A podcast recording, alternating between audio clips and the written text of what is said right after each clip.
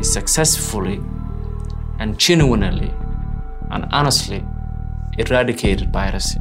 We don't have this money in Nairobi, that's the problem. Ja, maar je kon toch met uw administratie dan een halt toeroepen? Dat is natuurlijk niet waar. Ideadaasi ka mid ah iska celinayna la iska xataa la qaban mayn wax la qabanaya xataa ma ahayn Hallo, mijn naam is Pieter Huibrechts, misdaadreporter bij het Nieuwsblad. En ik ben Cedric Lagast, journalist bij diezelfde krant. En dit is onze podcast De Stemmen van Assise.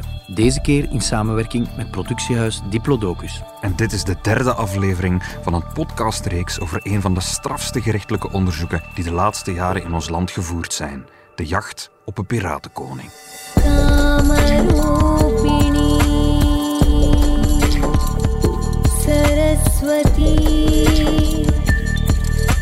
Dag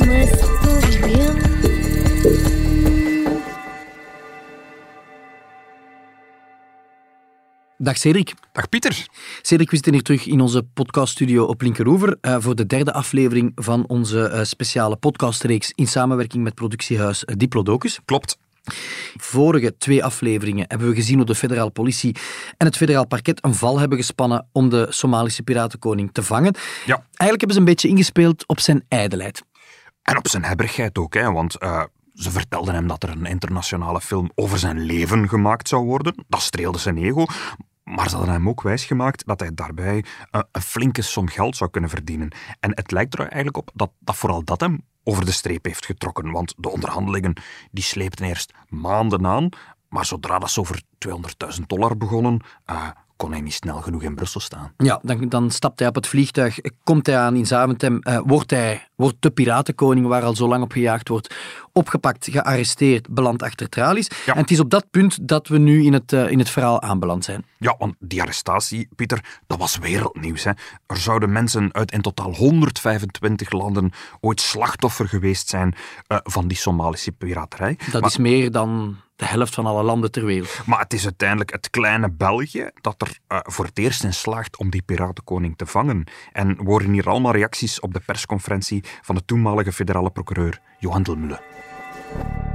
Le parquet fédéral confirme que samedi matin, le 12 octobre 2013, vers 8 heures, les nommés Mohamed A.H. alias Afwijne et Mohamed M.A.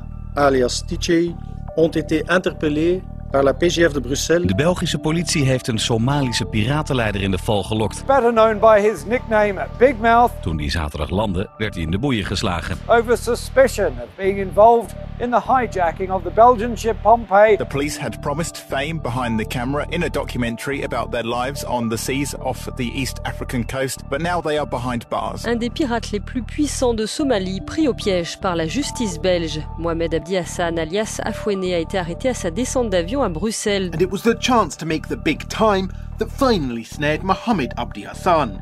He couldn't resist the lure of a documentary about his exploits.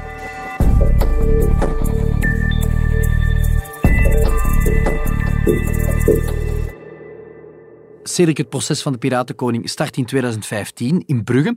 Proces dat uiteraard ook heel wat aandacht krijgt van de wereldpers. Eh, nu, dat proces zelf, dat start ook met een verrassing, want, want tot verbazing van velen staat Afwijnen, de, de Piratenkoning, daar helemaal niet alleen in de beklaagde bank. Nee, het, het, het hele onderzoek heeft rond hem gedraaid, maar als het proces start, ze staan er met twee, er staat nog een tweede man naast hem. En die andere beklaagde, dat is Mohamed Moalin Aden, alias Tissé. Dat is eigenlijk de gouverneur die we in de vorige aflevering hebben leren kennen. Hè? Een complete verrassing, want dat was Ja. net de good guy, hè? De, de man die met eh, de zegen van de Somalische president eigenlijk een einde had gemaakt aan piraterij. Hij had gezegd van kijk, eh, piratenkoningen en allerhande ehm kapers bekend publiekelijk schuld en dan zullen we jullie in, in Somalië amnestie verlenen. Ja, net die man die de piraterij zogezegd officieel had gestopt, die stond hiermee terecht in Brugge. Ja, het is ook de man die de Belgische justitie, al was het dan een beetje niets vermoedend, ook net geholpen heeft om de piratenkoning naar België te brengen. Dus eigenlijk ja, de good guy die daar plots in de beklaagde bank staat. Eh, het is een verrassing. En in de documentaire De kaping van de Pompey, die je kan bekijken op Canvas, zit ook een interview met Tissé, waarin hij net ook dat aanklaagt. Now I'm in small cell like this because I help others I'm here because of piracy, even though I eradicate piracy.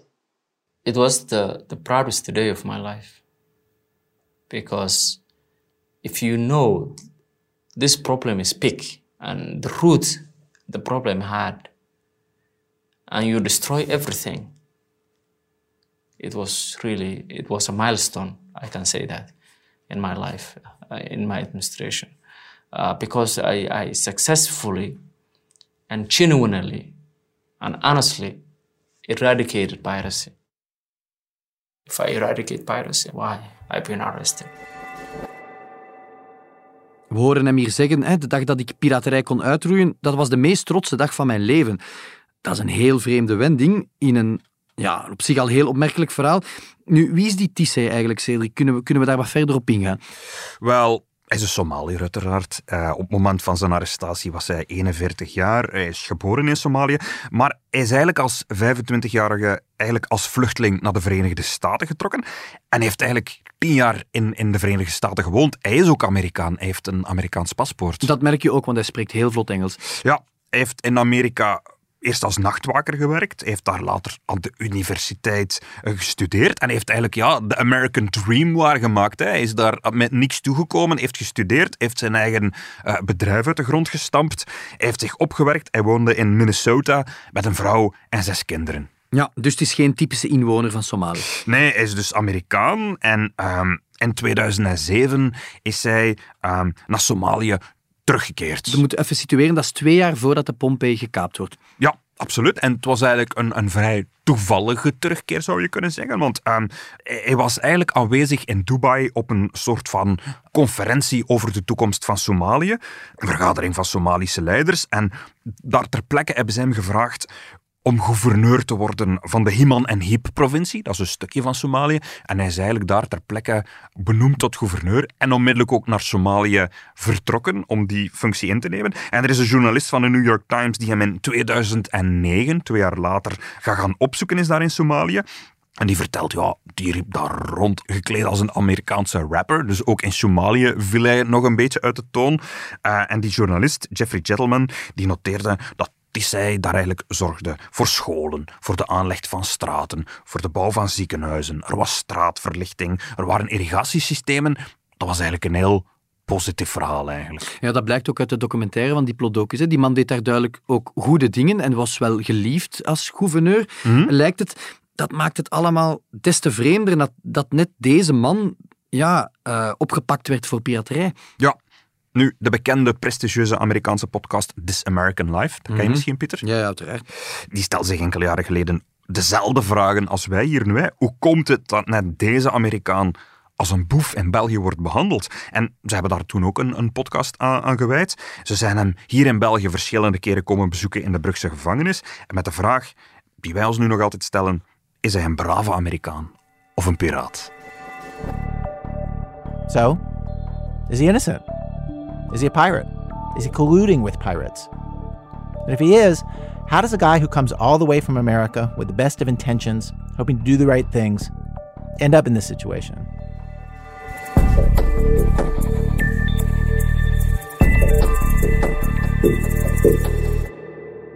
Ik vermoed dat dit allemaal tijdens het proces in België duidelijk is geworden. Ik neem aan dat ze zo iemand niet per ongeluk vervolgen.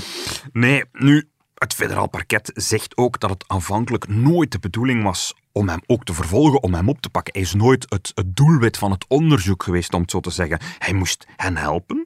Uh, maar gaandeweg, tijdens dat onderzoek, zijn ze bepaalde dingen over Tissay te weten gekomen die hun blik op de gouverneur toch een beetje veranderd heeft. Dus tijdens het onderzoek blijkt dat hij zijn mond voorbij heeft gepraat, als ik het goed begrijp. Want wat zijn die elementen dan die de speurders achterhaald hebben en die hun visie op de feiten veranderd hebben? Wel, herinner je nog het, het Britse koppel Paul en Rachel Chandler?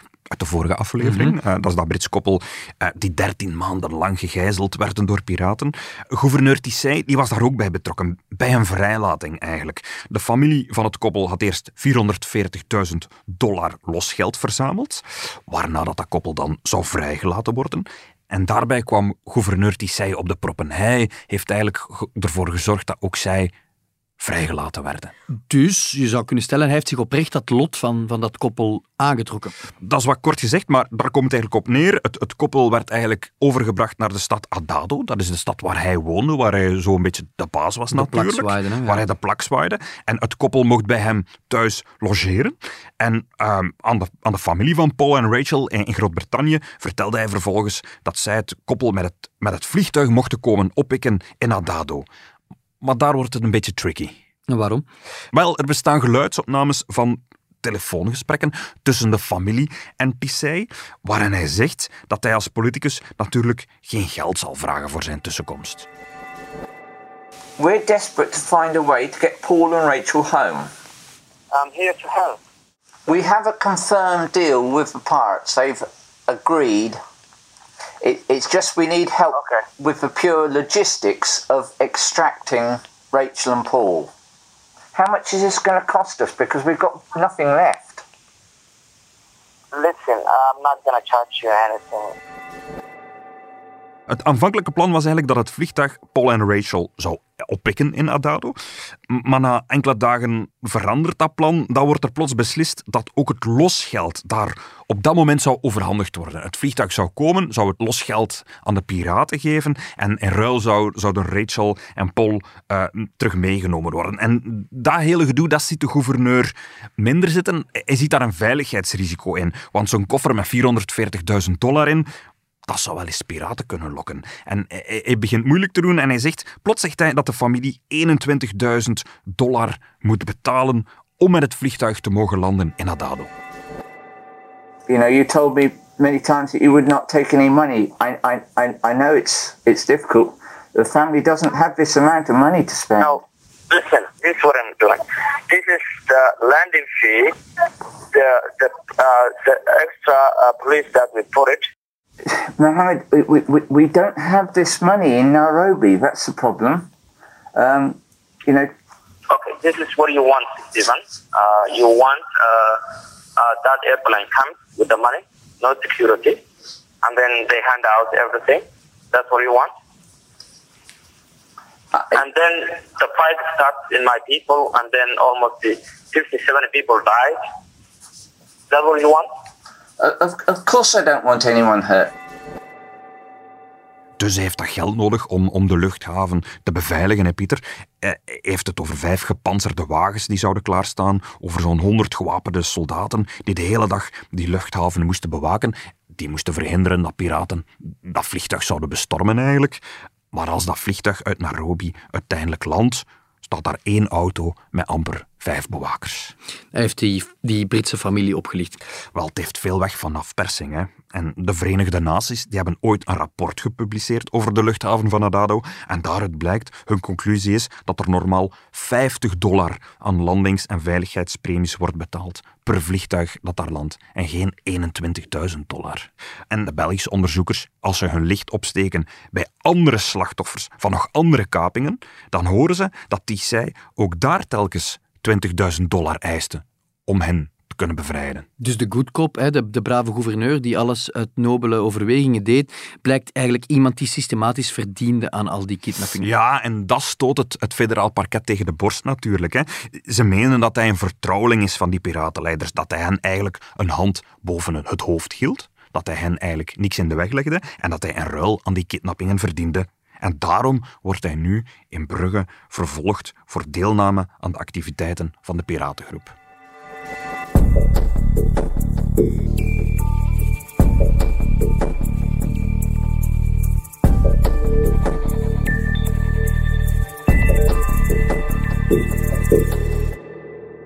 Cedric, we zijn 17 september 2015. Eindelijk is het zover. Het proces tegen piratenkoning Afwijnen gaat van start in Brugge. Ja, maar het wordt een teleurstelling, hè. want de piratenkoning is er niet. Hij komt niet af. Hoezo? Hij is toch opgepakt naar België gelokt. Hij zit in een Belgische cel. Hij moet toch gewoon van een gevangenis naar de rechtbank overgebracht worden? Ja, maar zijn advocaat is op dat moment de bekende Gentse strafpleiter Hans Rieder.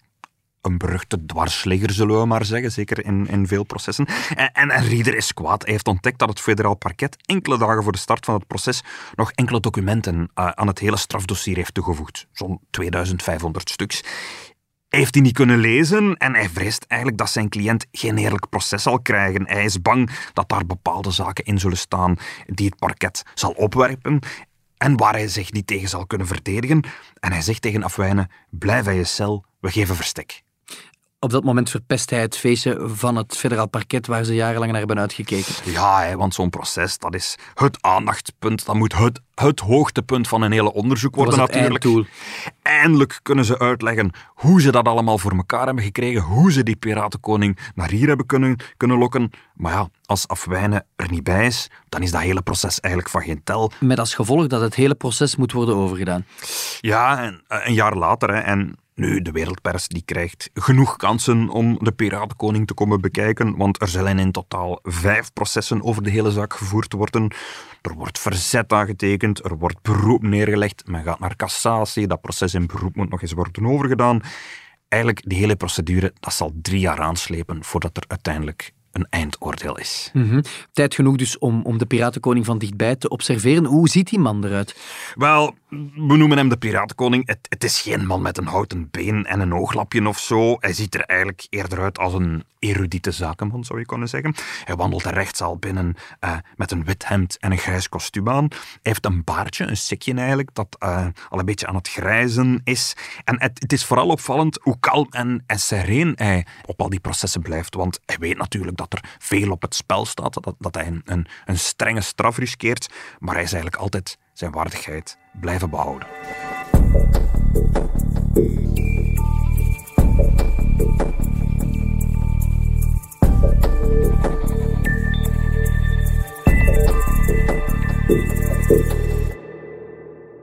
Eerst verstek, dan uiteindelijk een proces. Ehm Afwijnen komt voor de strafrechter finaal. We krijgen hem allemaal te zien. Wat wordt hem concreet verweten? Waarvoor staat hij terecht? Voor piraterij, Pieter, dat is uh, de aanklacht. Hij wordt vervolgd wegens piraterij. Dat is effectief strafbaar, volgens de Belgische wet. Dat is iets wat ik niet wist. Um, dat moet een heel oude wet zijn, neem ik aan. Waar je zou dat denken, hè? want piraterij is iets van, van, van, van vroeger, dus het zal een oude wet zijn. Maar eigenlijk bestaat de wet tegen piraterij in ons land pas sinds 2009. Het jaar van de kaping van de Pompei. Ja, het, het parlement heeft toen een wet gestemd waardoor dat het Belgisch leger kon deelnemen aan operatie Atlanta. Je weet nog, uit de vorige aflevering, er zijn toen heel veel verschillende Europese legers naar de Golf van Aden getrokken om daar boten te bewaken. Mm -hmm. uh, en er was een wet nodig om het Belgisch leger daar, daar, daar ook aan te laten deelnemen. En het is eigenlijk ook volgens die wet de Afwijnen en de gouverneur uiteindelijk vervolgd worden. En piraterij wordt daarin omschreven als geweld, bedreiging of plundering door de bemanning of passagiers van een schip in volle zee tegen een ander schip. En staan daar zware straffen op? Wel, wie piraten helpt, bij de voorbereiding bijvoorbeeld, die riskeert tot 10 jaar cel. Op het plegen van piraterij zelf staat, staan straffen van 10 jaar tot 15 jaar cel. En de leiders van een piratenbende, die riskeren tot 20 jaar cel. En dat laatste, dat slaat natuurlijk hierop afwijnen en, en gouverneur Tissey. Uh, en daarnaast eigenlijk werd de piratenkoning in Brugge ook nog eens vervolgd voor gijzeling, voor ontvoering, voor gevangenhouding en voor foltering. Mm -hmm. Die eerste drie kwalificaties kan ik begrijpen, maar die foltering, wat, waar slaat dat op? Wel, het is niet zo dat er bijvoorbeeld een pijnbank in, de, in het ruim van, van de Pompei stond, maar natuurlijk, um, je herinnert je uit de eerste aflevering, um, het leven op die boot, dat, dat, was, ja, dat was waanzin voor die bemanning. Hè. Het gaat vooral over de psychische dreiging die de hele tijd boven hun hoofd ging. Herinner je bijvoorbeeld het verhaal van de Kalashnikov, James Law, die uit uh, de boot wordt gesleurd, die met um, een Kalashnikov tegen het hoofd krijgt en waarmee gedreigd wordt dat, dat ze hem daar ter plekke zullen doden. Ja, dat heeft een gigantische impact gehad op die hele bemanning. Mm -hmm. um, we hebben in die vorige aflevering ook uitgelegd ja, dat het leven op die boot eigenlijk inhumaan was. Herinner je dat daar geiten geslacht werden, dat, dat, dat het slachtafval daar, daar bleef liggen. Je mag dat zeker niet onderschatten. Blijkbaar maakte die piraten ook zeer pikant eten klaar. En er is tijdens het proces zelfs ook gedebatteerd of dat dat pikant eten een vorm van foltering kon zijn. Dat is opmerkelijk. Um, ja, wat is de houding van die piratenkoning tijdens dat proces? Hij ontkent volledig. Hè. Hij zegt dat hij niks te maken heeft met de kaping van de Pompeii. De mensen die zeggen dat ze hem op het einde van die kaping daar aan boord van dat schip gezien hebben, die vergissen zich. Hij zegt dat hij op het moment van de kaping eigenlijk in Kenia was.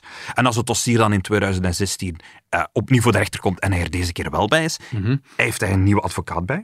Zijn advocaat is deze keer de bekende Antwerpse strafpleiter uh, Walter.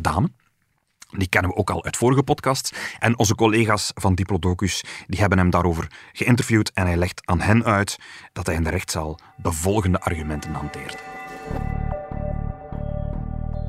Ja, de, de, zoals het dan omschreven als de, de bewijselementen tegen hem was de herkenning van de kapitein James Law. Maar daar had ik zware bedenkingen over, omdat één, er was met heel veel bravoure de arrestatie van de piratenkoning aangekondigd. Dat is ook op verschillende tv-zenders uitgezonden, waardoor dat die kapitein ook al de mogelijkheid kreeg om van tevoren terug een gezicht te vormen, want het was van een hele tijd geleden.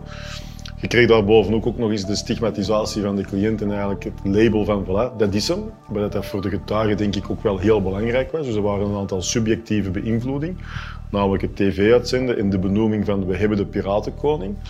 Bijkomend element was dan dat er toch een probleem is tussen een herkenning van iemand die blank is naar een zwarte toe. We noemen dat de crossraciale herkenning waarbij het voor een blanke veel moeilijker is om zwarte mensen te kunnen herkennen en vice versa. Je ziet dat ook heel duidelijk als het over uh, oriëntale mensen gaat. Het tweede punt was dat de cliënt eigenlijk zogezegd een, een intensief leven op een van die boten had gehad, ook in de kapitein zijn cabine, uh, en waarbij men dan heel de boot heeft opgekuist richting DNA. En uiteindelijk men één klein mengprofieltje op een, op een koffietas heeft teruggevonden, waarbij een mengprofiel ook geen zuiver profiel is, maar een profiel van twee mensen gecombineerd, waarbij dat je in mijn hoofd ook de mogelijkheid had dat dat DNA van hem op een andere manier op die tas was gekomen. Je ziet dat ook volgens mij met het weapon effect, zoals men dat noemt. Uh, als er een pistool op iemand wordt gericht, kun je dan ook die zuivere herkenning doen, omdat je natuurlijk meer gericht bent op dat pistool dan op de persoon erachter. Piratenkoning Afwijnen die vraagt eigenlijk de vrijspraak op zijn proces, Pieter. Um, en ook over het hele plan van het federaal parket om Afwijnen naar België te lokken met de belofte om een film over hem op te nemen. Ook daar heeft advocaat Walter Damen een mening over. Hier heeft men hem eigenlijk onder een aantal ja, met echte trucs gelokt naar het buitenland. En ja, uh, een piratendossier, hoe dat men het ook draait of keert, bij de mensen nog altijd iets charmant. Uh, dus er zou geen sprake zijn dat hier zou men over kunnen discussiëren, maar stel dat men daardoor een, een seriemoordenaar van kinderen had kunnen berichten, dan heel België zou staan applaudisseren. Dus het doel heiligt de middelen wel of niet. En ik ben daar eigenlijk voor mezelf nog niet goed uit. Aan de ene kant was dat heel goed gevonden. Aan de andere kant dacht ik van... Is dat dan op, gaan we die soort middelen gebruiken om bepaalde doelstellingen te halen? En ook een beetje de, de klassejustitiegevoel. Voor een dossier als dit doet men dat. Maar voor een ontvoerd kind, bij manier van spreken, in het kader van een intrafamiliale ontvoering, zal men dat nooit niet doen. Voor zeven bankovervallen hier zal men dat nooit niet doen.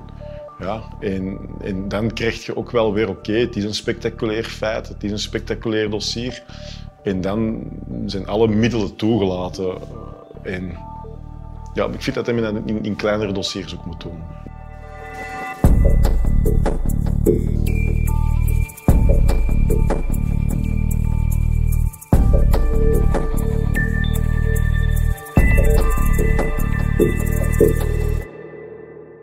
je sprak eerder in onze aflevering over vijf processen uiteindelijk uh, rond de Piratenkoning. Mm -hmm. Hoe loopt het af met de twee betrokkenen? Wel, Piratenkoning Afwijnen vraagt de vrijspraak, maar die krijgt hij niet. Hè. Tot op het laatste moment blijft hij ontkennen dat hij er iets mee te maken heeft.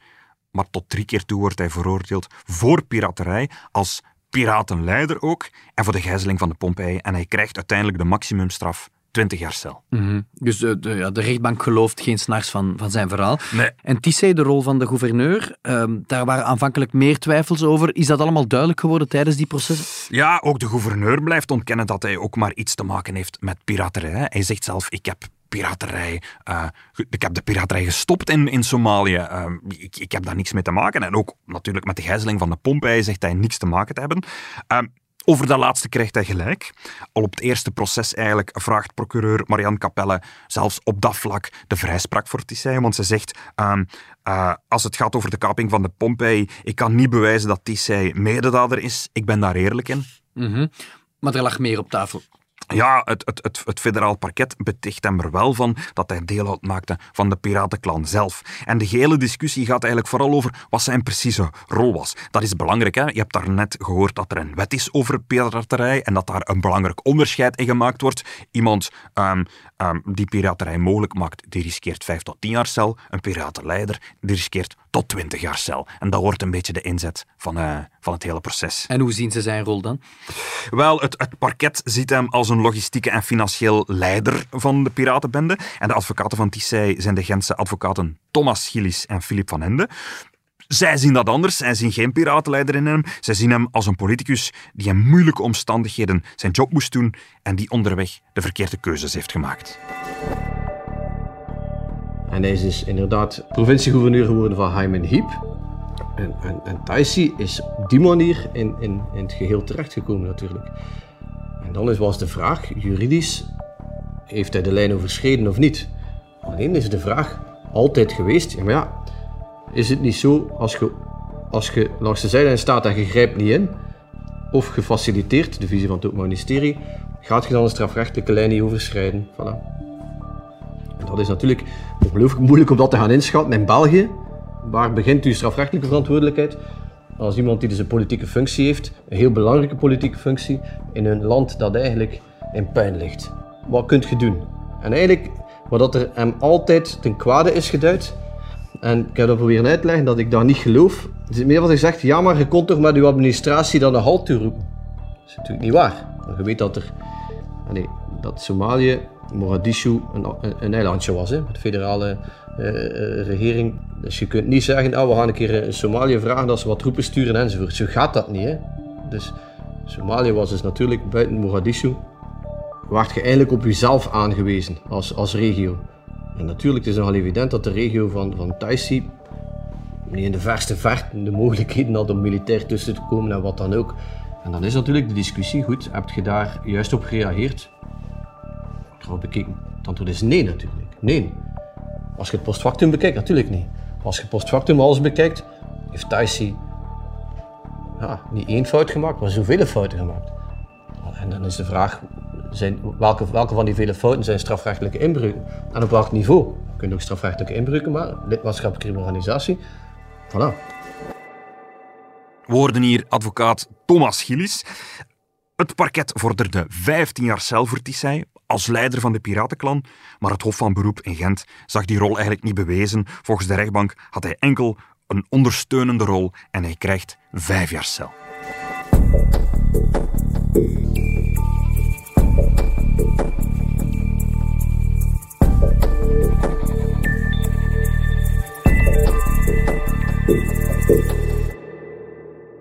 Finaal eindigt het proces met de maximumstraf voor piratenkoning Afwijnen. 20 jaar cel. De rechtbank gelooft niets van zijn uitleg en, en acht hem over de hele lijn schuldig aan piraterij. Uh, ik, en op het einde van de uh, documentaire reeks van Diplodocus gebeurt er nog iets heel opvallend. En dan zien we hoe de makers erin geslaagd zijn om Afwijnen te gaan interviewen in de gevangenis. Ja, absoluut. En je ziet ook een groot contrast met, met de piratenkoning die we daarvoor gezien hebben. Uh, in de rechtbank, in de rechtszaal, liep hij in zijn, in zijn kostuum rond. Was het de, de statige zakenman, zeg maar. En dan mm zien we plots iemand in een, in een soort van blauwe overal daar voor de camera zitten. Um, ja, niet meer met de grandeur van voordien. Niemand, niet iemand die indruk maakt als, uh, als, als de piratenkoning, zeg maar. Het is, het is toch um, iemand die veel pluimen verloren heeft. Dhoofintaas xoolaha iyo keenista badeecada unbuu ahaa aidiyadaasi ka mid aan waa dadkii aan ka mid ahaa qaatay go-aankaas in waxaan la iska celiyo la iska yaaciyo wat heel straf is, is dat die makers in de gevangenis zijn geraakt. Dat is uh, absoluut niet evident uh, in België. Uh, we hebben hier een van de makers van, van de prestigieuze uh, docureeks bij ons in de studio. Lennart Stuik, welkom. Dank u. Jullie zijn erin geslaagd om Afwijnen in de gevangenis te interviewen. Kan je eens vertellen hoe dat is verlopen? Hoe begin je aan zoiets? Het is eigenlijk een startpunt geweest van heel de reeks. Uh, gelezen over de Piratenkoning. Sprak zo tot de verbeelding. Um, dat we hebben gezegd, bon, uh, we moeten proberen die man te interviewen of op zijn minst te filmen. Contact genomen met zijn advocaat, Walter Dame. Die dan uh, voor ons een ontmoeting heeft kunnen regelen in de gevangenis van Brugge. Zo makkelijk is het ook niet om als journalist of als documentairemaker gewoon een gevangenis binnen te wandelen en iemand te gaan interviewen. Dat wordt zelden gedaan. Wij doen dat ook zelden. Laat staan een internationaal gezochte piratenkoning. Ja, ik kan dat zelf ook niet helemaal verklaren. Dat is bij dit project eigenlijk heel vlotjes gelopen. En dat was na zijn veroordeling? Dat was na zijn veroordeling. In 2017 uh, hebben we hem gezien in de gevangenis. En wat voor indruk maakte die afwijnen op jullie?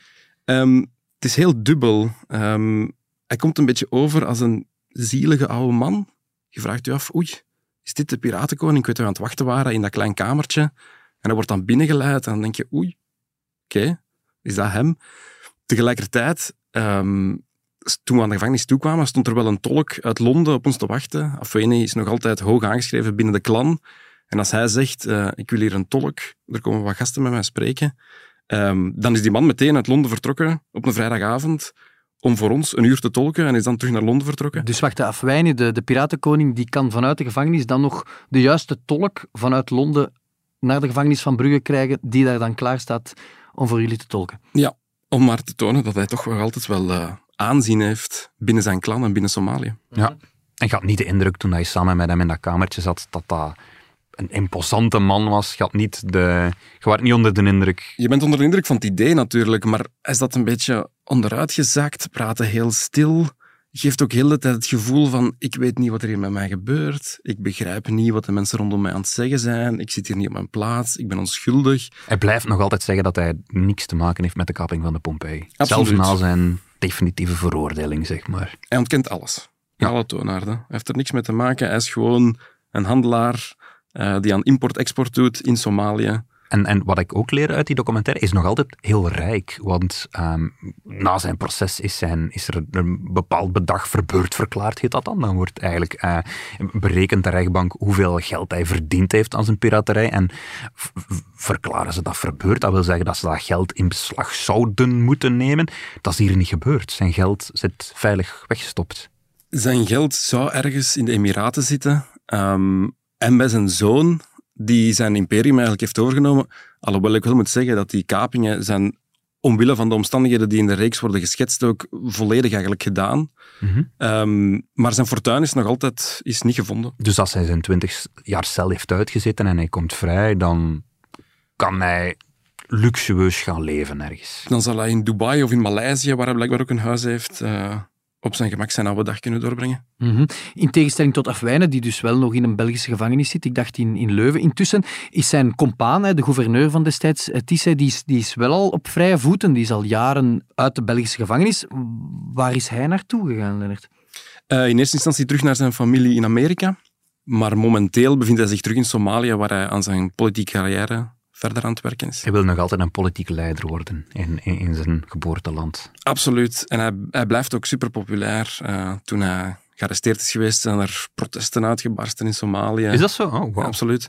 Um, omdat hij ook wel, dat is het hele dubbele aan, aan Taisi, hij heeft daar ook wel echt iets goed gedaan. Hij is niet zomaar, in tegenstelling tot Afweni, een zware crimineel. Ik denk dat hij iemand is die, die met de allerbeste bedoeling naar daar is gegaan, daar goede dingen heeft gedaan. En begon te voelen, ja, het is hier zo arm, ik ga hier nooit echt iets kunnen verwezenlijken. En zich dan heeft laten verleiden tot het ja, want geld. dat was het grote vraagstuk voor mij een beetje. Wat is dat nu? Is dat een crimineel die die piraten geholpen heeft? Of is dat een, een onhandig politicus die eh, zich eigenlijk geen houding wist te geven en ja, die zich heeft laten verleiden door het geld? Die eigenlijk, het is gewoon een corrupte ambtenaar. Ik weet niet, wat is jouw mening daarover? Ja, het is heel dubbel. Uh, in die zin dat hij... Um, wat hij heeft gedaan, is eigenlijk gijzelaars helpen bevrijden. Dus gijzelaars die vrijgelaten worden, geholpen om terug in het Westen te geraken. Ja. En enerzijds um, is dat natuurlijk positief, dat iemand die rol op zich neemt. Mm -hmm. Anderzijds zegt dus het Belgische gerecht, ja, uh, je hebt de, de gijzelnemers geholpen om hun geld te verdienen. Wat dan natuurlijk een contradictie is die heel moeilijk, ja, dat is echt hoe je het wilt bekijken. Ja. Maar ik zou hem niet als onschuldig willen benoemen, nee. maar ik zou hem ook niet als een grote als de grote piratenkoning. Nee, zeker niet. Zeker niet. Nee. Ik denk dat hij een speelbal is geweest van de omstandigheden op dat moment in zijn provincie en dat hij zich heeft laten verleiden. Lennart, jullie hebben jarenlang aan, aan die prestigieuze docureeks gewerkt. Jullie hebben iedereen gesproken die van ver en dichtbij bij die kaping van de Pompei is betrokken geraakt. Dat, dat is heel straf. Um, we hebben het in onze podcastreeks ook een van de strafste gerechtelijke onderzoeken van de voorbije decennia genoemd. Hoe, kijk, hoe kijken jullie daar naartoe? Jullie hebben alles bekeken, onderzocht, met iedereen gesproken. Klopt dat eigenlijk wat wij hier poneren? Ik vind dat persoonlijk wel. Het is natuurlijk moeilijk te zeggen in die zin dat het geen bende van Nijvel. Het is niet dat zich in België heeft afgespeeld. Uiteindelijk zijn er maar twee Belgische slachtoffers, Belgische rederij weliswaar. Uh, maar anderzijds, wat het Belgische gerecht, en dan voornamelijk eigenlijk drie mensen, uh, met uitbreiding van de DSU dan, hebben kunnen bereiken, vind ik dat wel heel straf. Er is, uh, alle landen wouden Afwee niet oppakken, want hij is schuldig aan kapingen over heel de wereld mhm. eigenlijk. En wij als klein Belgeland zijn erin geslaagd om hem hier te krijgen in de gevangenis. Dankzij een onwaarschijnlijk scenario. Iets dat niet te onderschatten valt in mijn ogen. Dat... Oké. Wij, wij als makers van de Stemmen van Assise hebben, hebben de driedelige uh, docu al kunnen bekijken. Ik kan mij voorstellen dat de rest van Vlaanderen ook uh, zal willen kijken. Waar, waar kunnen we kijken, Lennart? Uitzending is op dinsdagavond op Canvas, maar heel de reeks is terug te vinden op VRT Max. Oké, fantastisch. Dan danken wij u, Lennart, voor uw komst naar de studio. Veel succes nog. Dank u wel. Dit was de derde en laatste aflevering van de podcast De Jacht op de Piratenkoning. Gemaakt in samenwerking met het productiehuis Diplodocus en de VRT. De stemmen waren van Pieter Huibrechts en mezelf, Cedric Lagast. De montage is het werk van Benjamin Hertogs van House of Media. En de productie was in goede handen bij Bert Heijvaart.